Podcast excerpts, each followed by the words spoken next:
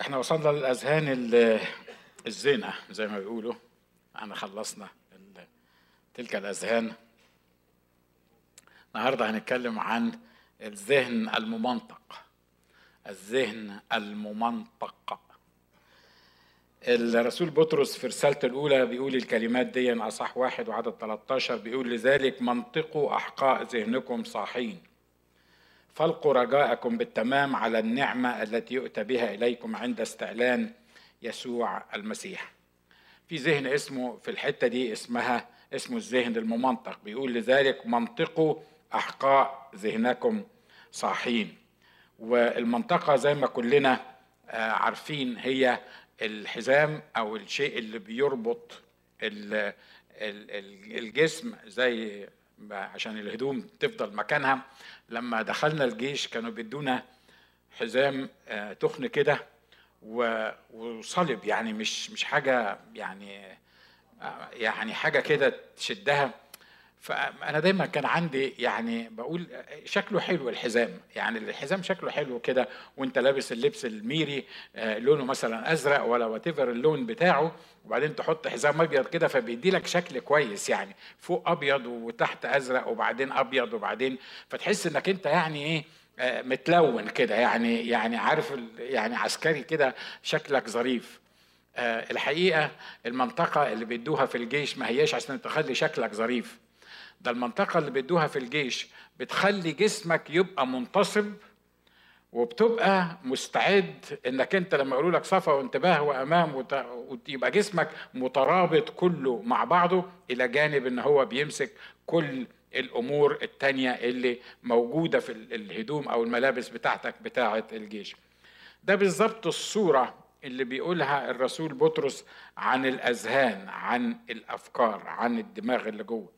بيقول إنه منطقوا أحقاء ذهنكم صاحين. يعني خلي ذهنك دايما طبعا إحنا لما كنا بنروح آه، ال- السكنات بتاعتنا أو الأماكن اللي بنبيت فيها ما حدش فينا كان بي بينام بال- بالحزام. مش كده ولا إيه؟ انك ما تعرفش تنام بيه لأن هو نشكر الله من أجله كان كبير قوي ممكن تنام بال وات أي حتة تاني من ال- القطع ال ال ال ال الهدوم بتاعتك. لكن ما أعتقدش إن فينا حد يعني رايح يستريح في بيتهم وهينام بالحزام اللي موجود عليه لأنه مش هينام للصبح. ليه؟ لأنه صعب لأنه هيعمل يعني مش هيخليه ينام كويس. لكن لما بيصحى وبيلبس هدومه الجزء أساسي من الهدوم دي إن هو يلبس الحزام ده أو المنطقة اللي هو موجودة اللي الرب عطاها له. عشان كده بيقول لذلك منطقوا احقاء ذهنكم صاحين. أول حاجة من الذهن الممنطق هو ذهن صاحي. إحنا اتكلمنا قبل كده عن الذهن المطفي مش كده؟ فاكرين الذهن المطفي؟ وقلنا تقعد تكلم في الواحد تحس إن هو جاي من كوالالمبور من عالم تاني مش قادر يفهم حاجة في أي حاجة.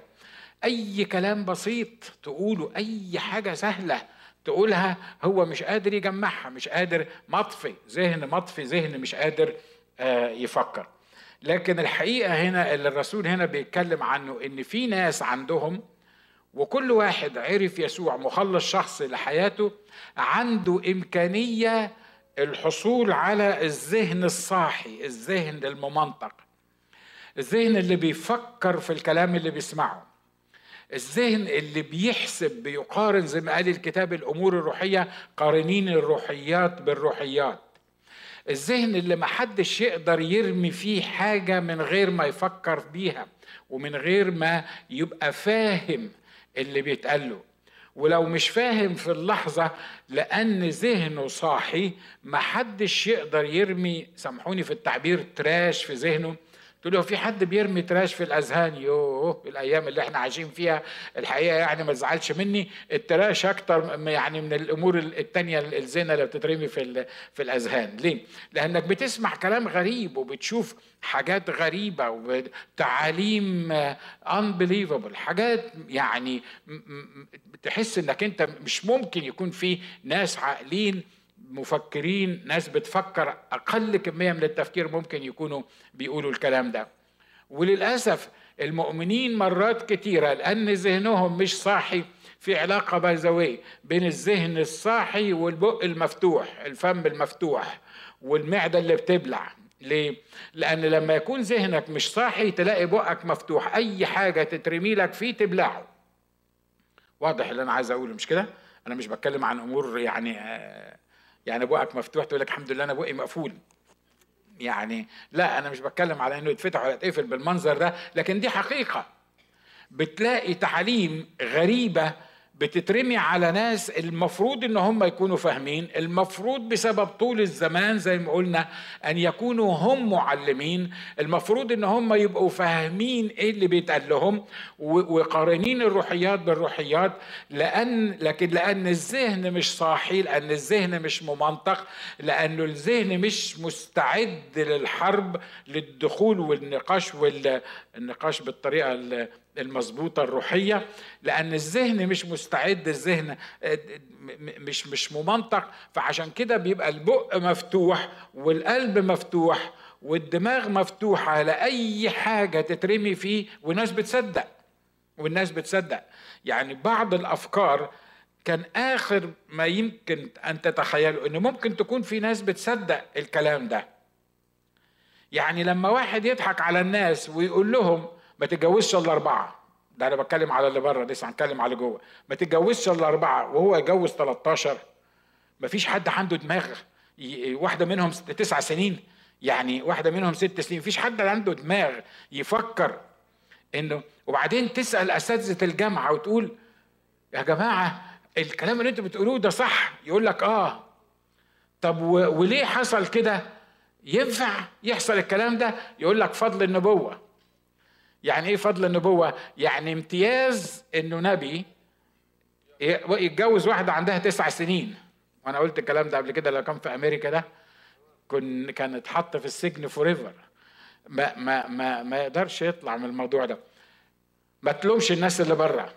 لكن لكن خلي بالك لما يكون ذهني مش ممنطق لما يكون ذهني مش صاحي ممكن أي حاجة وأنا ممكن أعدد لك مئة حاجة بتتقال في الكنيسة والناس بتبلعها وبتمشي بيها وبتصدقها ويمكن بتدافع عنها كمان ويمكن بتتخانق عليها وهي ملهاش أي أساس كتابي مش موجودة في الكلمة غير مقبولة حتى للمنطق البشري الطبيعي العادي صح اللي أنا بقوله ده؟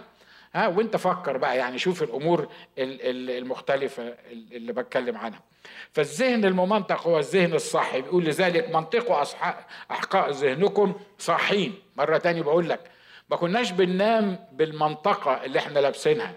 لكن لما نبقى جاهزين للشغل بره كنا بنلبس المنطقة. فعشان كده ال ال الكتاب بيقول إن ذهنك ده لأنه المفروض إنه شغال ليل ونهار ذهني وذهنك المفروض إنه شغال إمتى؟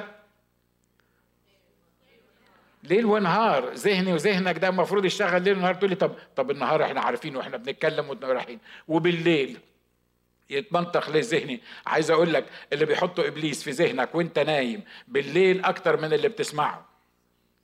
ولما بتفتح عينيك كل التراش اللي حاطه في دماغك بالليل بتلاقيك بت بت بتراجعه بتلاقيك مرات فيها مقتنع بيه. حد حصل معاه الكلام ده؟ لو ما حصلش معاك تبقى مش طبيعي بازوية يعني. مش تبقى راجل مقدس يعني أكتر من الكل. لا تبقى مش طبيعي. لأن هو بيعمل كده. أثبت لك في منتهى البساطة. كل الغباء اللي ما عملتوش الصبح أو ما فكرتش فيه الصبح بتفكر بيه لما تحط دماغك على المخدة. صح؟ ليه؟ اشمعنى يعني؟ طب ما إحنا الصبح عارف ليه؟ لأنه بيستفرد بيك. لأن هو عارف إمتى وإنت رايح تنام كده يروح زارع الزوان يروح زارع الأفكار يروح زارع التشكيكات يروح زارع الخناقات وتبص تلاقي نفسك في نص الليل تقول لا هو لما كلمني الصبح إزاي كلمني بالطريقة دي؟ يمكن ساعة ما كلمك واحد ولا غلط فيك ولا عمل مشكلة الصبح أنت ما دريتش بحاجة خالص. أول ما تحط دماغك على المخدة يجي يقول لك إزاي كلمك الصبح بالمنظر ده؟ تلاقي نفسك أنت مش نايم وهو اللي كلمك نايم. عارف ليه؟ لأن ذهنك مش صح لأن ذهنك مش صح بأمانة كده أنا عارف إن في ناس لا يمكن تفك إيديها. حد حصل معاه اللي أنا بقوله ده؟ نشكر الله. زمان أنا كنت بعالج الموضوع ده. كنت بعالج الموضوع إزاي؟ أول ما يجيني فكر بالمنظر ده أقول اللهم يخزيك يا شيطان. اذهب عني يا ملعون. أنا مش عايز خلاص أنا سامحته أنا مش مش هرد على الموضوع ده. وبعدين لقيت نفسي عمال أقول الكلام ده وما بنامش. وكل شوية هو طبعا مش مجرد ما تقول الله يخزيك يا شيطان يتخزي وياخد بعضه ويمشي. لا ده ده دبان ده عامل زي الدبان بيلزق. بص تلاقيه بعد شوية يروح جايب لك الفكرة تاني. ما إحنا قلنا لك امشي ما قلنا لك مش عايزين تفكر يخزيك. يخزيك مين وبتاع مين؟ ما يعني مستحيل. وبعدين حتى حتى مرات لما بتقعد تصلي حتى مرات لما بتقعد تصلي يا رب ساعدنا يا رب عشان أنام. أنا يعني إيه اللي فكرني بال... ده الحكاية دي حصلت من عشرين سنة. ساعدني عشان أنام النهارده بكرة عندي شغل مش هقدر أروح أقول لهم أصل أنا كنت بفكر في اللي عمل فيا كذا. ف... فخلينا أنام. تلاقي ولا حتى تحس إن حتى يمكن ربنا ما بيسمعكش. تحس كده هو بيسمعك طبعا. لكن تحس ان إن ربنا مش يعني مش عايز يستجيب صلاتك. أنا قلت لكم الحكاية دي قبل كده. هقول لك على السر اللي, اللي أنا بعمله بالليل. زمان لما كنت أعمل كده ومفيش استجابة وأفضل أتقلب على الفرشة وأفضل أعمل خطط لبكرة لا ده أنا هقوم أتصل بيه بالتليفون أول ما أصحى وهدفعه اللي عمله من عشر سنين. طبعا 90% من اللي بتقوله وأنت نايم بالليل الصبح لما تصحى ما بتلاقيهوش. عشان كده بيقول لك أفكار الليل زي الزبدة. يعني زي عارف آه، آه، تطلع الشمس تسيح. ف... ف... بس المهم إيه؟ المهم إنها بتأثر عليك وإبليس يقصد إنه يأثر عليك. ليه؟ علشان يصحيك دايخ ويوديك الشغل دايخ وقرفان وتفضل دايخ في الشغل وبعد كده لما ترجع بالليل ويحطك في الدايرة دي. فمرة كنت بصلي بقول يا رب أعمل إيه تاني يعني؟ يعني انتهار وانتهرته صلاة وصليت لك. يعني أقوم أقعد أضرب دماغي بالنار بقى ولا أعمل إيه يعني عشان عشان أخلص من الأفكار دي صدقوني أنا مش بهرج على المنبر ده أنا بقول لك الحقيقة. لقيت الرب بيكلمني كده قال لي بص دماغك ده ذهنك ده ده عامل زي الكوباية زي الجلاس زي ما أنتوا بتقولوا. الجلاس ده مستحيل يبقى فاضي. There is no way at any time يبقى فاضي. لا ما هو فاضي أهو أهو فاضي أهو أنا ماسكه في إيدي. لا في مية ولا في حاجة. ده معناه إنه فاضي؟ مش معناه إنه فاضي مش كده؟ لأنه مليان هواء مش كده ولا إيه؟ وممكن أعمل لك تجربة علمية تثبت لك الحكاية دي. بس اني وانت مصدقني أنا عارف إن أنت مصدقني. الله؟ طب ده يعني الهواء ده أفضيه إزاي منه؟ يعني يعني ممكن أفضيه من من سائل ممكن أفضيه من أي حاجة. لكن الهواء اللي موجود في الجلاس ده اللي عامل لي المشكلة ده أفضيه إزاي؟ في منتهى البساطة لما تحط مية الهواء يطلع. لما تحط حاجة تاني في الحاجة اللي هي ملياها تطلع عايز أقول إيه؟ لما تحط كلمة الله لما تقول كلمة الله بالليل وأنت عمال تغلي على السرير ما تقولش يعني سيبك من حكاية ينتهرك يا شيطان لأنه لأنه لأنه غلس ما بيتشالش. لكن لما تملى الدماغ ديا بكلمة الله سواء بتسمعها أو سواء بت بترددها أو سواء بت بت بتعيدها مرة واثنين وثلاثة يتملي ذهنك تلاقي نفسك ابتديت تنام. مش لأن الشيطان مشي لأنه ما بقاش في دماغك فرصة أو حاجة أو مكان يعشعش فيه ويبتدي يتكلم معاك عن الأمور دي أمين. سهلة الطريقة دي. ها؟ متهيألي سهلة مش كده؟ الذهن الممنطق هو الذهن الصاحي. لذلك منطقوا أحقاء ذهنكم عاملين إيه؟ صاحيين. ممكن تخبط اللي جنبك قول له اصحى. ها؟ اصحى. أنا عارف إنه صاحي وأنا عارف إن هو باصص لي وأنا عارف ها؟ لكن لكن خلي ذهنك صاحي. خلي ذهنك صاحي. لما يكون ذهنك صاحي ما حدش يقدر يضحك عليك. لما يكون ذهنك صاحي محدش يقدر يرمي فيه أي كلام. لما يكون ذهنك صاحي لما يجي العدو يحاول إن هو يرمي فيه حاجة تقدر لأنك صاحي ولأنك مركز تقدر تقول له لا أنا عارف إن الفكرة دي منك أنت أنا عارف إنها منك أنت. أمين. مرة تانية أقول لك على حاجة مهمة. أنا قلت الكلام ده برضو قبل كده. في يوم من الأيام كنت رايح أنام. وبعدين آه, آه، كنت نايم عند حماتي. في البيت عند حماتي. آه زمان قوي قوي قوي قوي ف طبعا آه، جوز بنتها بقى فمدرنماني في بيت في, في أوضة كده جميلة وفيها أنوار وبتاع وحاجات من كده. وبعدين وأنا جيت أنام والضوء لسه شغال النور لسه شغال ابتديت أفكر في شوية حاجات ملخبطة كانت في بيتنا في الوقت ده. آه، مش عارف أختي كانت تعبانة ومش عارف آه، واحدة أخت التانية مش عارف ماتت صغيرة ومش عارف اللي مش عارف مين حصل له إيه. وبعدين أنا ابتديت أنام كده وبعدين إبليس قال لي أنت مالك يعني so excited كده وفرحان ليه؟ وكأنك يعني ما عندكش مشاكل ولا أنت أنت مش عارف آه، فلان المريض وفلان اللي مات صغير وفلان اللي مش عارف حصل له إيه ومش عارف الظروف مش عارف بتاعت إيه. literally قدام الله لقيت الأنوار المنورة ديا كما لو كانت محطوطة على دمر عارف الدمر اللي هو بت بتنزله دون يقلل النور؟ لقيت نفسي الدنيا ضلمت وعينيا مش شايف بيها مع إني كنت مفتح وكنت في وسط النور. وبعدين صوت من الروح القدس قال لي اسمع عدد الحاجات الحلوة اللي في حياتك. أنا بوريك الطريقة اللي تتغلب بيها على يكون ذهنك صاحي ها؟ لما يجي إبليس يرمي متهيألي متهيألي يعني لو أنت عايش معانا في الدنيا يعني زينا كده يبقى أكيد عندك ثلاث أربع حاجات لو فكرك بيهم إبليس بالليل صدقني يصحوك لمدة أسبوع صح اللي أنا بقوله ده؟ آه يعني متهيألي لو أنت عايش معانا لو أنت عايش في في حتة تاني أبقى خدني أتفسح معاك عشان أريح ما ما فقال لي الكلمات دي قال لي قال لي بص قال لي حدد الحاجات الحلوة في حياتك. ابتديت اعدد أعدد أشكرك على فل... على فلان أشكرك على فلانة أشكرك على شغلي أشكرك على مش عارف مين أشكرك على صحتي. وابتديت أعدد. صدقوني قدام الله عديت في حياتي 200 حاجة حلوة ونمت وأنا بعد. أنتوا واخدين بالكم؟ العجيبة يا أخي إنه يفكرك بحاجة واحدة بس مش كويسة تصحيك طول الليل.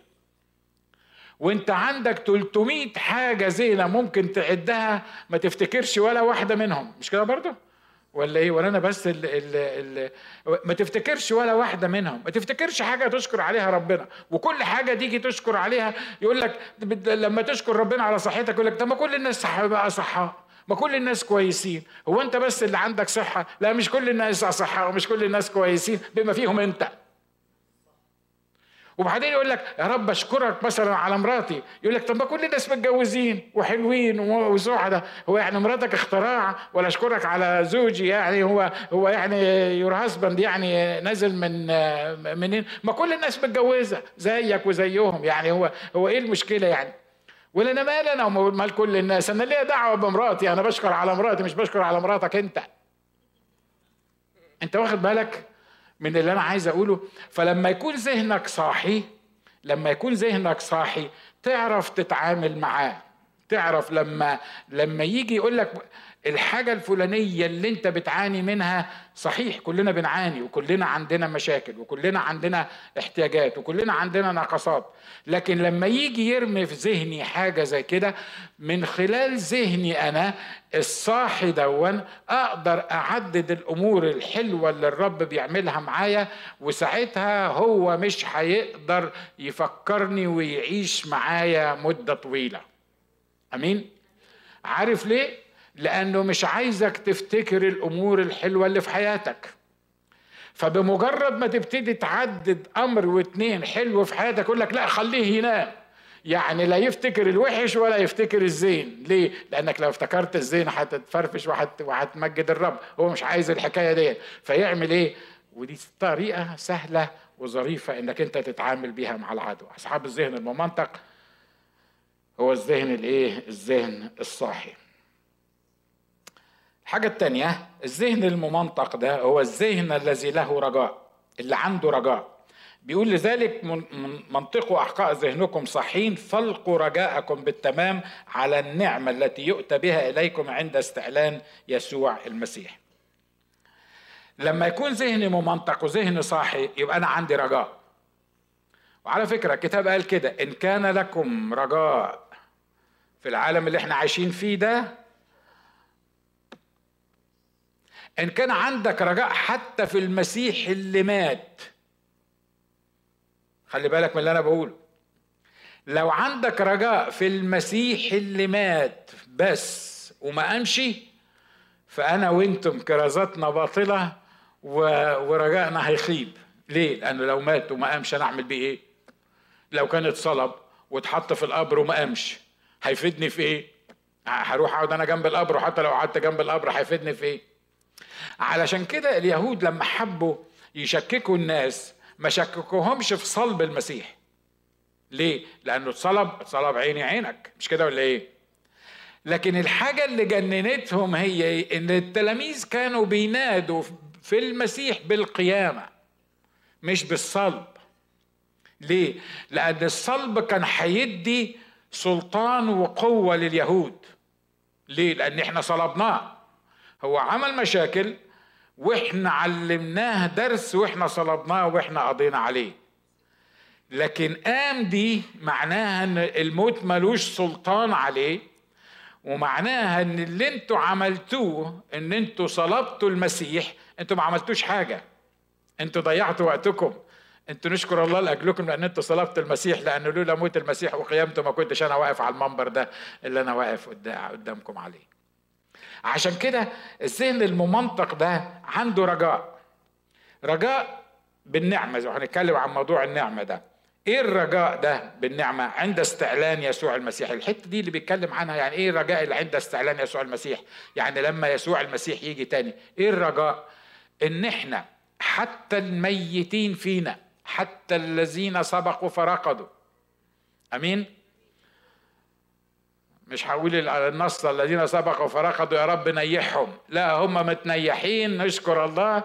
وبعد ما بيموتوا لا بينيح ولا بيعمل. بعد ما الواحد بيموت يا إما هيروح يبقى في حضن أبونا إبراهيم زي ما قال الكتاب عن لعازر يا إما هيبقى في جهنم إلى أبد الآبدين. آمين؟ واضح اللي أنا عايز أقوله. لكن الرجاء هو هنا إيه؟ عند استعلان يسوع المسيح اللي هيحصل لنا إحنا إيه؟ ان إحنا هنكون معاه. الرجاء هو انه بقيامة المسيح إحنا متنا معاه وقمنا معاه. ولما يجي ثانية هنتقابل وهنكون معاه إلى أبد الآبدين حيث يكون هو نكون نحن إيه؟ نكون نحن أيضا. عشان كده الكتاب قال عزوا بعضكم بعض بإيه؟ بهذا الكلام. سيبك أنت من التعزيات الخايبة اللي إحنا مرات بنعملها ومش عارف مين والبقية في حياتك. وكانت فيها بقية. ما ما كانش فيها بقية. بقية في حياتك وما أعرفش أنتوا بتقولوا إيه. يعني الله بالخير. أو أي حاجة من من اللي أنتوا بتقولوه ده. واخد بالك؟ دي, دي مش تعزية. دي مش تعزية. عزوا بعضكم بعض بهذا الكلام. إيه الكلام اللي يعزيني؟ إنه أول ما يظهر هو أنا هكون معاه. سواء كنت عايش هيخطفني معاه. وعلى فكرة أنا هطلع ثانية إنجاز التعبير لأن الكتاب ما نصش على كده. ثانية بعد الذين رقدوا. يعني إيه؟ الذين رقدوا سيقومون إيه؟ أولا. ونحن الأحياء نخطف معهم في السحب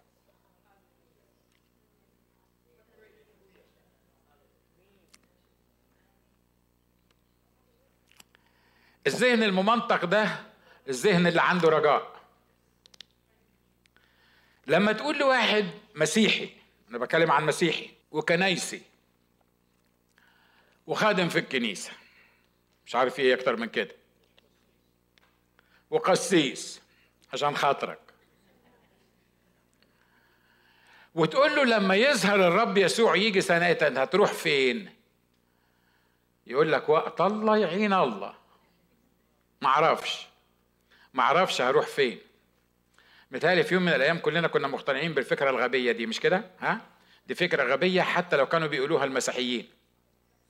حتى لو كانت بتتقال جوه الكنيسة.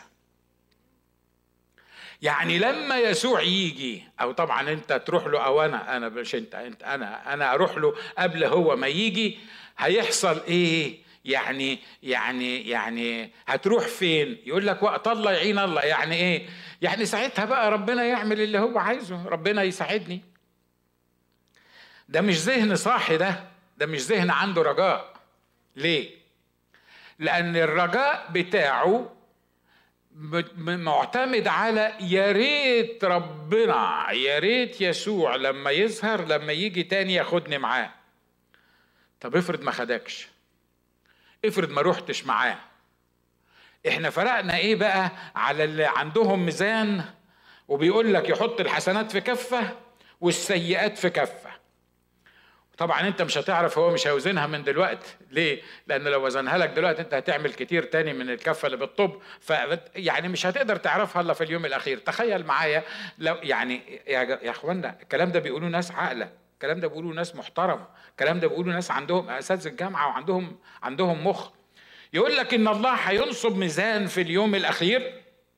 مش هكلمك عن الصراط المستقيم لأن الصراط المستقيم دون زي سبيبة الرأس هيمشي عليه الواحد ده لما حسناته تساوي سيئاته. هيمشي عليه بالمنظر ده والحتة اللي يقع فيها هي, هي مش عارف هيقع إزاي مش هو ده الموضوع بتاعنا إحنا مش مش في درس إسلاميات. يا عم ناجي إحنا في الذهن الممنطق مش معقولة كده. Anyway تخيل تخيل معايا تخيل معايا إن حد عاقل حد عاقل بيفكر إن في اليوم الأخير هيبقى في ميزان حسنات وسيئات. طبعا لأنه عارف إن السيئات طبعا اللي هتطب مش كده ولا إيه؟ ها؟ مش عايز أقول لك السيئات اللي بنعملها في اليوم. يعني الله على عبيده ستار أنت حر كل واحد وسيئاته. مش هقول لك ال ال ال كمية السيئات فالشيء الطبيعي إن السيئات هي اللي هتطب. فيعمل إيه بقى؟ يقول لك والحسنة بعشرة أمثالها. يعني إيه؟ يعني ربنا هيضرب لك عدد الحسنات اللي أنت عملتها في عشرة. طب هو عارف إنه لو ضربها في ألف برضه هتطب السيئات هتطب. مش كده ولا إيه؟ قال لك ويضاعف الله لمن يشاء. على فكرة أنا مش بهرج أنا بتكلم جد. طب الهدف من الموضوع هو إيه؟ الهدف من الموضوع إنك أنت ما تعرفش من هنا أنت رايح فين. أهم حاجة إنك ما تعرفش من هنا أنت رايح فين. تقول لي مساكين يا جماعة دول اللي بيفكروا بالطريقة دي. مساكين يعني اللي هو بيقولوا سيئات وحسنات وكفة وبتاع وحاجات من كده. لا عايز أقول لك حاجة إحنا في الكنيسة مرات بنفكر بنفس الأسلوب الع... العقيم. النظرية دي مش نظرية إسلامية بس ده نظرية ال... ال... ال... حتى المسيحيين بعضهم بيؤمن بيها.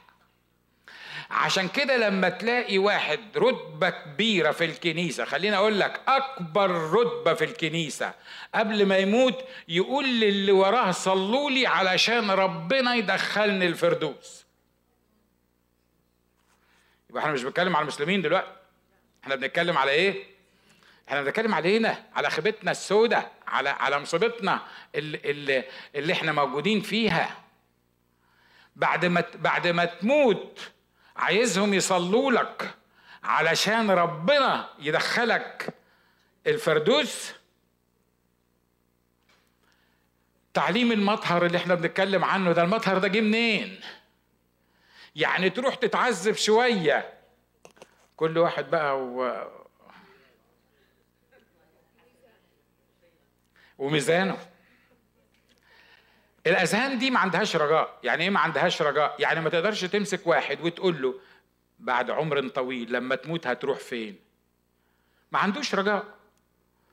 ما يقدرش يقول لك لأن المسيح اشتراني ودفع ثمن خطيتي ووعدني إن خرافي اللي هتعرفني أنا هديها حياة أبدية ولن تهلك إلى الأبد فأنا لأني خاطي ومجرم وشرير بس مغسول بدم المسيح هكون مع المسيح إلى أبد الآبدين.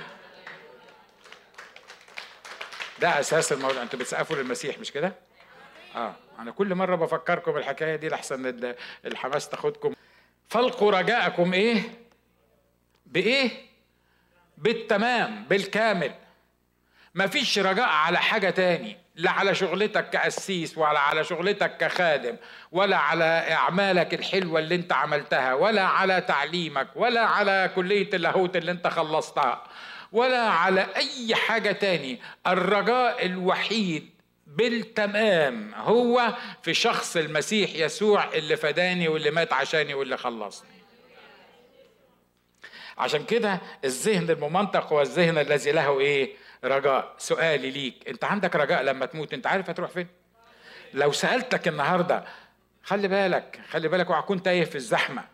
سواء أنت هنا قاعد في الكنيسة قدامي أو على التلفزيون أو على أي حتة أنت أنت لو مت النهارده هتروح فين؟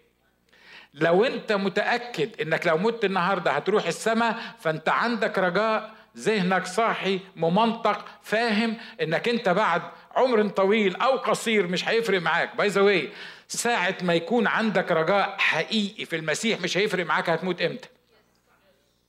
صح؟ لما يكون عندك رجاء في المسيح وانت متأكد إنك أنت رايح عند المسيح هتعرف إيه معنى الكلمات اللي بيقول أحيا لا أنا بل المسيح يحيا فيا. هتعرف إيه معنى إن لي الحياة هي المسيح والموت هو؟ لأن بولس الرسول ده يبدو إن هو مجنون. واحد يقول على الموت ربح. إيه إيه الربح في الموت؟ الموت فيه ربح. آه عارف الربح بتاع الموت هو ان أكون مع المسيح إلى أبد الابدين هو ده الربح الحقيقي اللي إحنا بنتكلم عنه. فعشان كده بسألك انت ليك رجاء ولا مالكش رجاء؟ مرة تانية أنا عايز أحكي لك القصة اللي سمعتها 30 مرة مني لأن أنا مش عارف ليه مثقل لأنه خايف لحسن. بعد كل اللي قلناه ده حد يكون موجود قدامي بيسمعني سواء في الكنيسة أو على التلفزيون أو بره في الإنترنت ويكون لسه معرفش يسوع مخلص شخص لحياته مرة كنت جديد كنت شاب جديد كده في الأول الكلية وكنت متحمس بقى متجدد جديد. وعايز أوصل كلمة المسيح للدنيا كلها فسألت واحدة من زميلاتي بقول لها آه أنت ضمن حياتك الأبدية ده طبعا طريقة التبشير الإنجيلي إنك أنت بتجيب من الآخر عارف؟ بتفهمه إنك أنت هتطلع بره تموت ولو ما, ما مش عارف مين حاجات من كده دي طريقة يعني التبشير الإنجيلية يعني. فأنا بقول لها يعني أنت آه، ضمن حياتك بعد الموت تروح تروحي للمسيح؟ خلي بالكم دي دكتورة. هي كانت مليانة كده زي زمان. ليترالي قدام الله راحت عاملة لي كده. قالت لي وحضرتك ضامن لما تموت هتروح فين؟ أنا قلت إيه ده؟ هو في إيه؟ هو أنا قلت إيه غلط يعني في في الحكاية دي؟ فقلت لها آه. قالت لي يا سلام على كبريائك. أنت ضامن أنت ضامن حياتك لما. لما لما تموت هتروح فين؟ قلت لها آه طبعا ما كانش عندي خبرة في أي حاجة أنا لسه متجدد جديد ورحت اتصص فيها. فقال لها كده. قالت لي يا أخي ده أبو مقار ده أبو مقار ده قديس بيقولوا قديس كبير آه، قديس يعني anyway. ده أبو مقار بعد ما مات طلع والشيطان طالع وراه وهو وصل لغاية الفردوس ورجل بره الفردوس ورجل جوه الفردوس. أنا ما أعرفش الفردوس إزاي كان يعني مش فاهم. الفردوس ده شكله إيه؟ مش فاهم أنا يعني اللي هيبقى في رجل بره الفردوس ورجل جوه الفردوس. اني anyway. قالت لي والشيطان يقول له خلصت يا أبو مقار. يقول له لسه. خلصت يا أبو مقار. يقول له لسه. بعدين راح حط الرجل الثانية في الفردوس وقال له خلصت. قلت لها طب مين بقى اللي حكى لكم القصة دي؟ ما هم كانوا اتنين أبو مقار والشيطان. أبو مقار الراجل طلع فوق ما حدش قال إنه نزل كلمكم. يبقى مين اللي حكى لكم القصة دي؟ فهي بصت لي كده قلت لها ما هو ما بقاش في غير إبليس. تصدقوا إبليس برضو لما يقول لكم القصة دي؟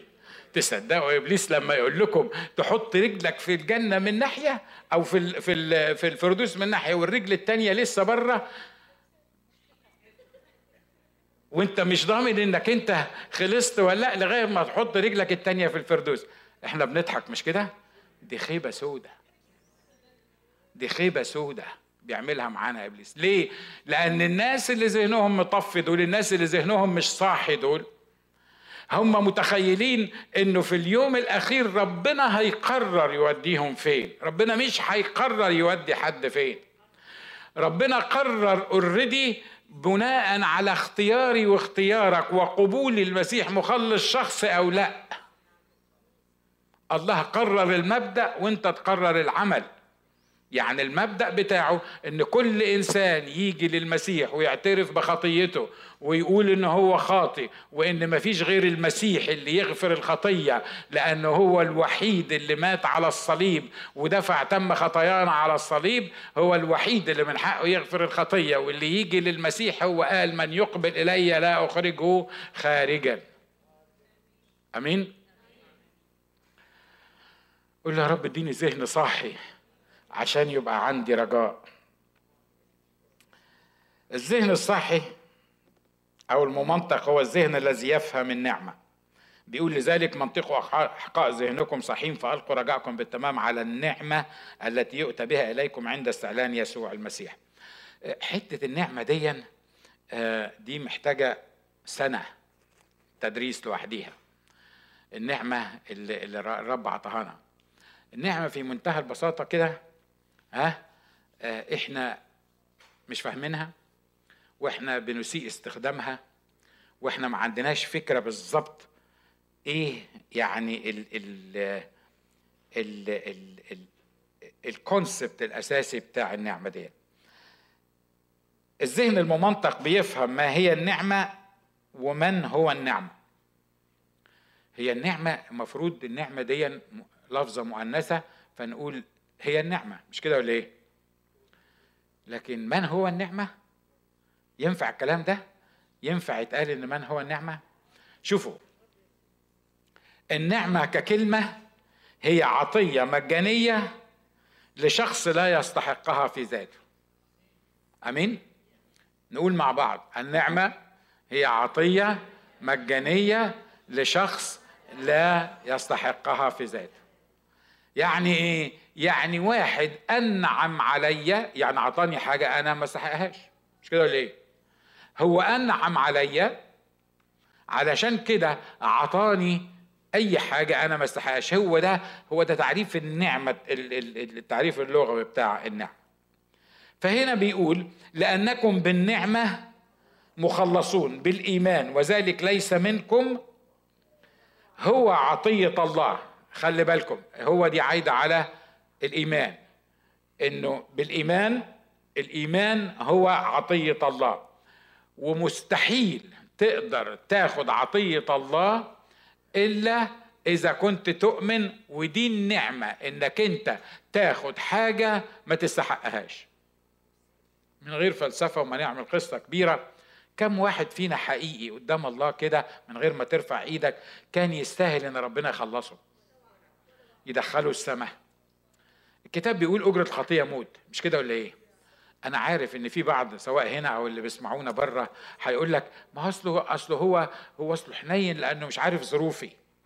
هو أصله عارف إن هو أنا ظروفي وحشة والشغل اللي أنا بشتغل فيه والمكان اللي أنا عايش فيه والناس اللي أنا عايش معاهم. فعشان كده هو هيخلصني لأن هو إله رحيم. لا لا لا هو مش هيخلصك لأنه إله رحيم. هو رحيم حقيقي بس هو هيخلصك لأن هو حب يخلصك لأن هو جه أصلا عشان يخلصك جه علشان يخليك زي ما قال الكتاب تعيش في النعمة التي نحن فيها مقيمون. مفيش سبب. هكذا أحب الله العالم. يعني من غير سبب ما, ما, ما حدش يقدر يوضح ليه أهو أحب الله العالم. ليه حبنا الله؟ حد عارف ليه حبنا الله؟ حد عارف ليه حبك الله؟ لا عيلتك ولا فلوسك ولا أي حاجة خالص تخليه يحبك مش كده ولا إيه؟ بيقول هنا هي عطية مجانية لشخص لا يستحقها كم واحد ما كانش مستحق العطية دي متهيألي كلنا مش كده ولا إيه؟ حتى اللي ما فكوش إيديهم برضه ما كانوش يستحقوا. ما همكوش. مين هو النعمة بقى؟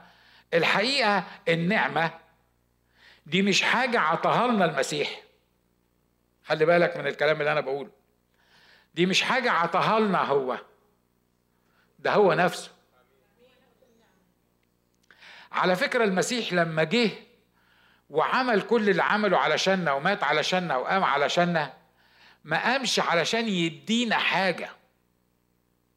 لأن مفيش حاجة تساوي دم المسيح المعروف سابقا قبل تأسيس العالم. لما جه أصلا جه علشان يعمل إيه؟ علشان يدينا نفسه. ممكن أذكر لك عشرين شاهد تقدر. يعني من يأكد الكلام ده. حتى وهو وهو بيعمل معاهم الفصح الأخير قال لهم خدوا هذا هو جسدي المكسور اللي قال لكم هذا هو دمي.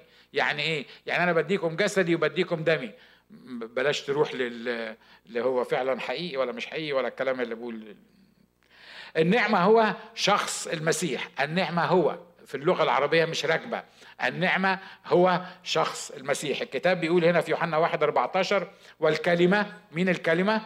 شخص الرب يسوع المسيح. الكلمة صار جسدا وحل بيننا ورأينا مجده. مجدا كما لوحيد من الآب مملوءا نعمة وحقا. مملوءا نعمة وحقا يعني هو النعمة وهو الحق. أمين؟ معلش مضطر لأن أنا بتكلم بكلم ناس فاهمة وبكلم ناس عيلتي. في بعض الترجمات بعض الترجمات عارفة إن الكلام ده إن الكتاب قال عن الرب يسوع مملوء نعمة وحق. طب وأمه؟ الكتاب بيقول إن الملاك لما ظهر للقديسة العذراء مريم قال لها إيه؟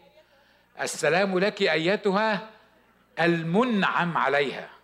مباركة أنت في فرق بين واحد منعم عليه وفي في واحد هو مصدر النعمة المملوء نعمة. كلمة المملوء نعمة لم ترد في الكتاب أبدا على أي شخص إلا شخص المسيح فقط. شوف حبها وأنا بحبها جدا وبحترمها وبجلها وأطوبها ويعني آه، مش عارف أقول إيه أكتر من كده. لكن لما تيجي عند حق الكتابي خلي بالك من الموضوع. ليه؟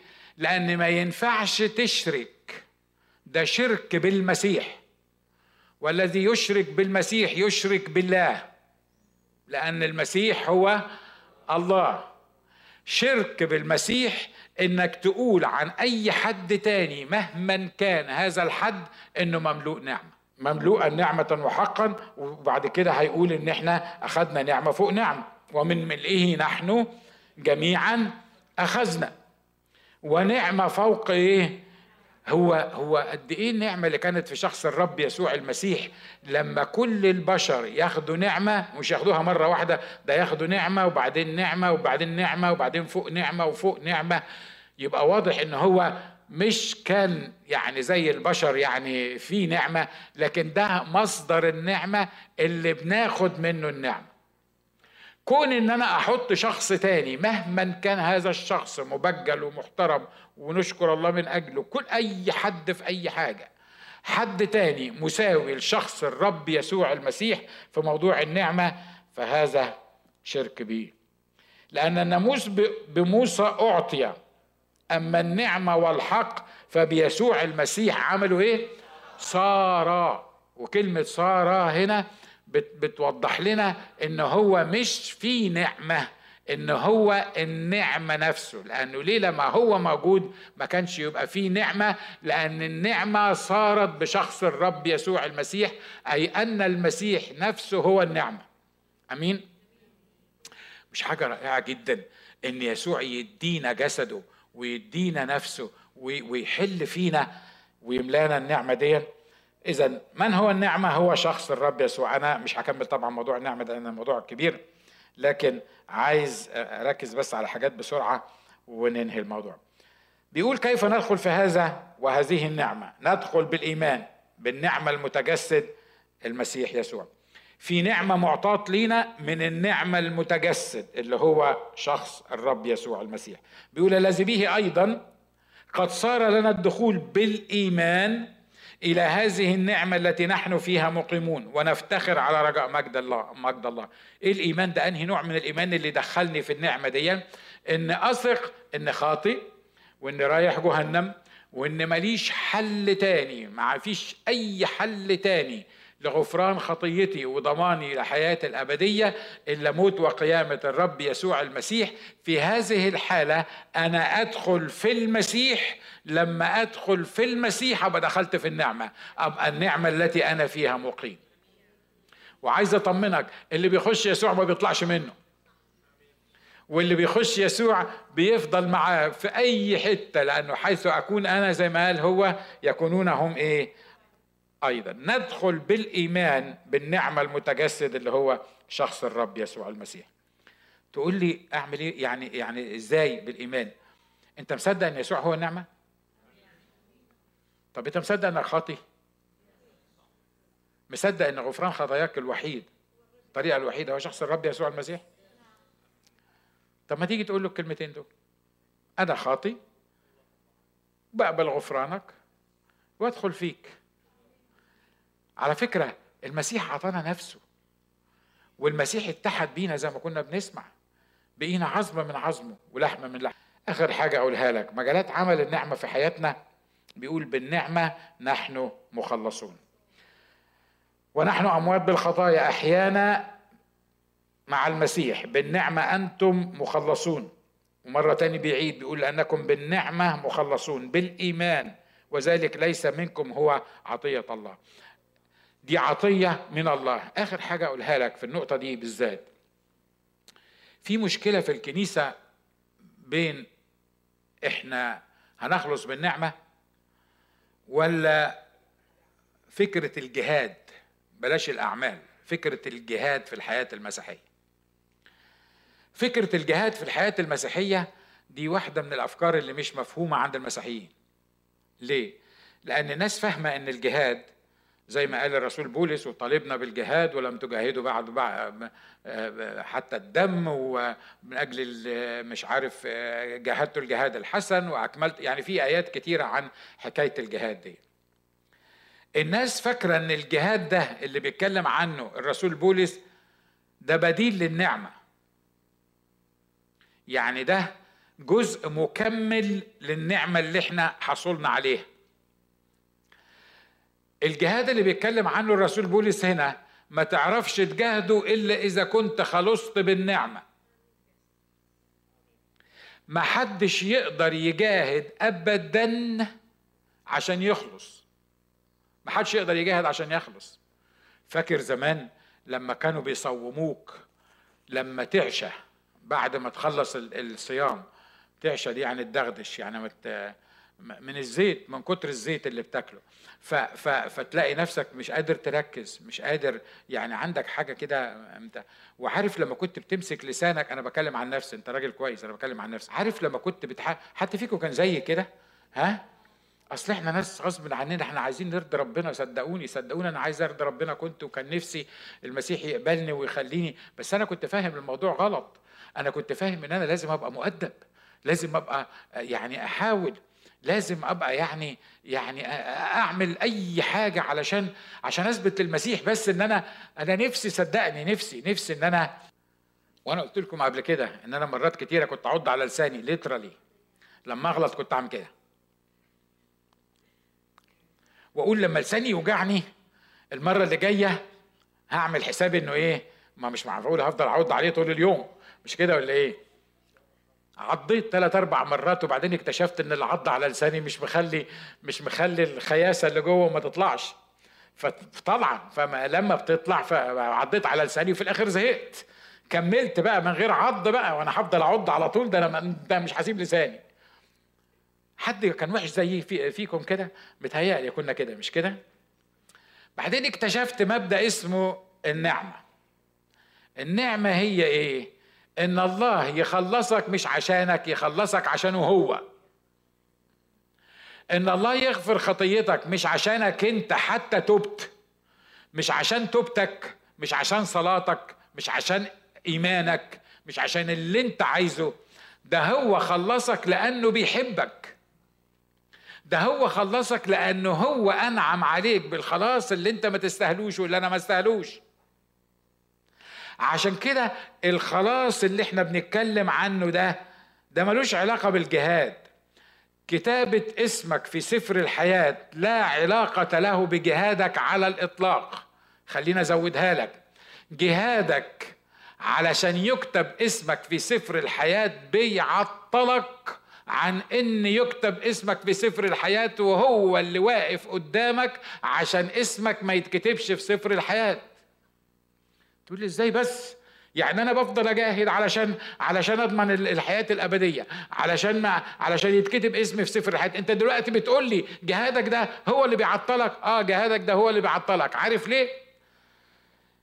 لأن طول ما أنت بتجاهد عشان يتكتب اسمك في سفر الحياة انت بتجاهد متكل على جهادك علشان ربنا يرضى عنك ويكتب اسمك في سفر الحياة. النهاردة بشرة خاصة ليك ربنا اوريدي راضي عنك وعايز يكتب اسمك في سفر الحياة من غير ما تجاهد عشان اسمك يتكتب في سفر الحياة. بس لما تعترف انك خاطي ورايح جهنم وعايز اسمك يتكتب في سفر الحياة. تقول يعني بلاش نجاهد؟ لا اصبر. ما انت حبيبي بعد ما يتكتب اسمك في سفر الحياة هتلاقي نفسك لابس في العالم والعالم ضدك وانت محتاج تجاهد في العالم. تقول لي آه طب ما أنا هرجع تاني. ما دام أنا مش هعرف أجاهد بعد كده. لا بس الفرق بين الحي والميت الفرق بين المؤمن المخلص المكتوب اسمه في سفر الحياة والإنسان اللي مش مخلص مش مكتوب اسمه في سفر الحياة اللي مش مخلص بيجاهد بعضلاته بإمكانياته. لكن عارف النعمة تعمل إيه؟ تخلصك وتديه وتقف جنبك في جهادك تخليك تنتصر في جهادك لأنك أنت اوريدي منتصر بنعمة المسيح. أمين؟ أنا خلصت النهاردة. أنا عايزك بس تروح تدرس موضوع النعمة ده يعني لو لو تعرف بشكل أو بآخر وشوف النعمة عملت إيه في حياتك. بالنعمة أنتم مخلصون. يا إخوة يا أخوات ما حدش يقدر يعمل حاجة عشان يخلص. ريح نفسك. ريح نفسك. ما تحاولش تخلص نفسك. ما تحاولش تعمل حاجة تبسط الله منك كده يعني وترضيه عنك فيقوم يعني يتحنن عليك ويغفر لك خطاك. أنت عارف أنت عارف ان يسوع مات عشانك؟ انت عارف ان يسوع أصلا سلم نفسه وحياته علشان يخلصك؟ انت عارف ان already الخلاص اشتري ليك. انت عارف ان انت فعلا انت الخلاص جاهز بالنسبة لك انت محتاج تمد إيدك وتاخده؟ احني راسك معايا. وفكر في النقطة دي بالذات. لو ما تعرفش يسوع مخلص شخص لحياتك اوعى تفكر ان بجهادك هتخلص. اوعى تلخبط بين جهادك اللي بعد إيمانك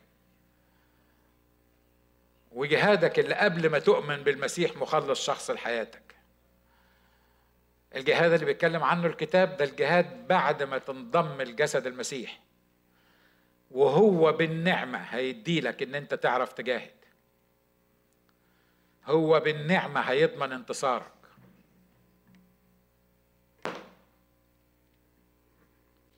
لكن بالنعمة أنتم مخلصون. بالإيمان. ذلك ليس منكم. ما فيش أوضح من الكلمات دي. ليس منكم. ليس منكم. غير متوقف عليك. غير متوقف على جهادك. غير متوقف على أعمالك. هو عطية الله. الخلاص هو عطية الله. قول له يا رب اديني العطية دي النهاردة. لو ما عرفتش يسوع مخلص شخص لحياتك تسمعني في أي مكان. قول له اديني العطية دي عطية الخلاص. أحيانا مع المسيح. بالنعمة أنتم مخلصون. بالإيمان. وذلك ليس منكم. هو عطية الله.